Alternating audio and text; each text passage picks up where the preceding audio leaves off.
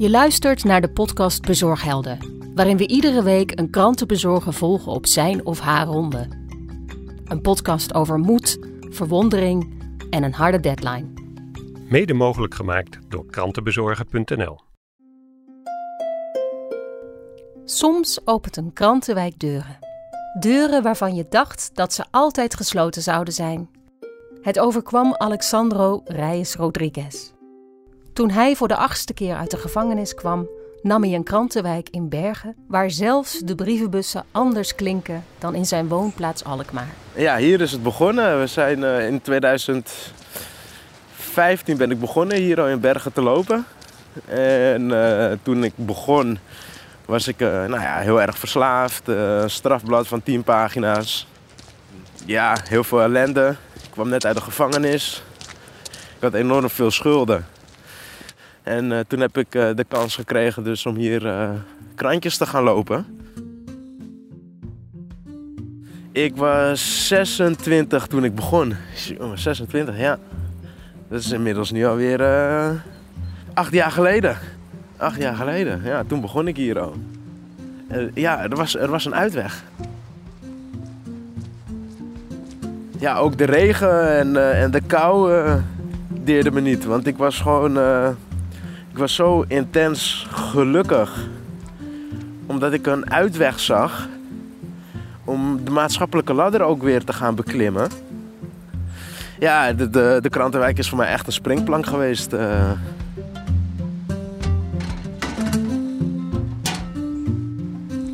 Op het moment dat je daaruit kwam, was voor mij de achtste keer hè, dat ik daaruit kwam.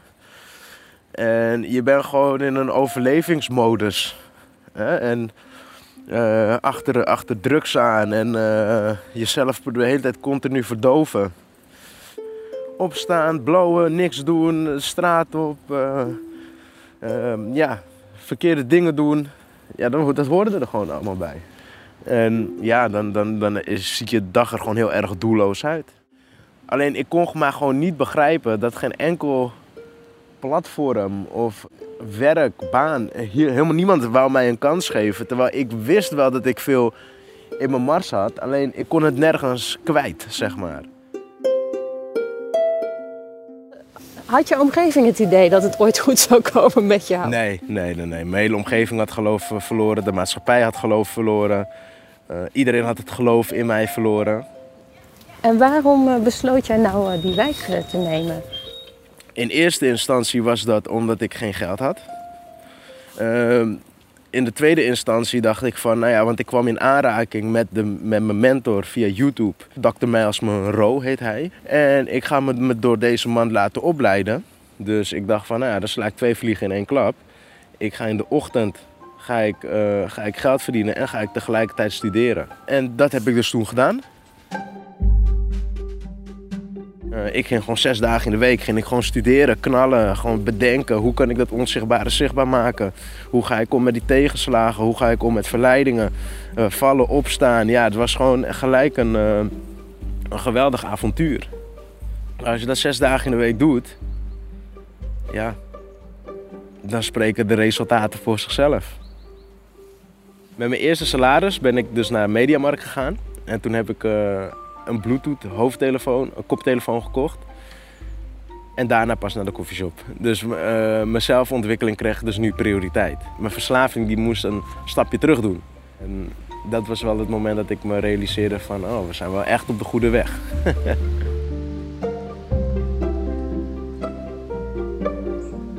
Als je in Alkmaar woont, is Bergen uh, uh, de ultieme droom. Of in ieder geval was het mijn ultieme droom om om ooit in je leven zo te eindigen zoals ze hier in Bergen eindigen. Bergen is nummer 9 rijkste dorp van Nederland en de huizen staan symbool van succes en welvaart. Ik wou zo graag weten wie die mensen waren die in deze ja, kapitale villa's wonen. Toen dacht ik van ja, ik wil met deze mensen in contact komen. Ja, dus ik ben, uh, ik ben toen een opleiding gaan volgen met het geld wat ik verdiende met de krantenwijk tot onderwijsassistent. En binnen twee jaar haalde ik mijn diploma. Dus ik heb, uh, nadat, ik me, nadat ik mijn diploma heb gehaald, heb ik allemaal Chileense broodjes gebakken samen met mijn moeder. En toen ben ik iedereen gaan bedanken voor hun onbewuste bijdrage aan mijn succes. Dus ik ging gewoon aanbellen. De volgende ochtend ja, gaan allemaal kaartjes en eh, cadeautjes en dat soort dingen. En wat is het mooiste wat je hebt gehoord die ochtend? Het was niet die ochtend, maar dat was echt het moment dat ik uh, dat broodje gaf. Is dat een, vrouw gewoon begon te huilen. Die, dus, die zei van ja, dit heb ik, heb ik nog nooit meegemaakt. Uh, mijn mentor zei een keer van ja, armoede is geen probleem, het is een resultaat. Je hebt een oven in, in, in de keuken staan en je doet zes dagen in de week doet het niks. En je zit te klagen omdat je geen geld hebt. Bak koekjes en verkoop ze aan de deuren. Toen ik dat hoorde, dacht ik van hé, hey, ik ben hier. Ja, inderdaad, ik moet langs de deuren gaan. En ja, voordat ik het wist, draaide de oven bij ons overuren.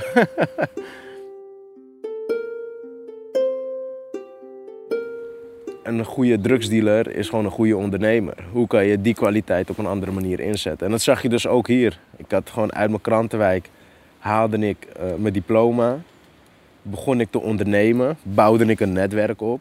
Ik ben eerst met uh, empanades begonnen te geven, toen met taarten en nu heb ik laatst mijn boek, heb, ik heb alles verkocht. Ik had de krantenwijk zeker nodig om hier te komen. Je hebt altijd middelen nodig. ja, maar het is wel zo. Als ik alles echt goed kan samenvatten, heb ik geleerd om verder te kijken dan dat mijn ogen kunnen zien. Dat is het. Wat een geweldige opkomst op misschien wel de allereerste boekpresentatie van 2023. En wat voor boek? Rijk door een krantenwijk. Is er een betere titel te bedenken, zou ik denken.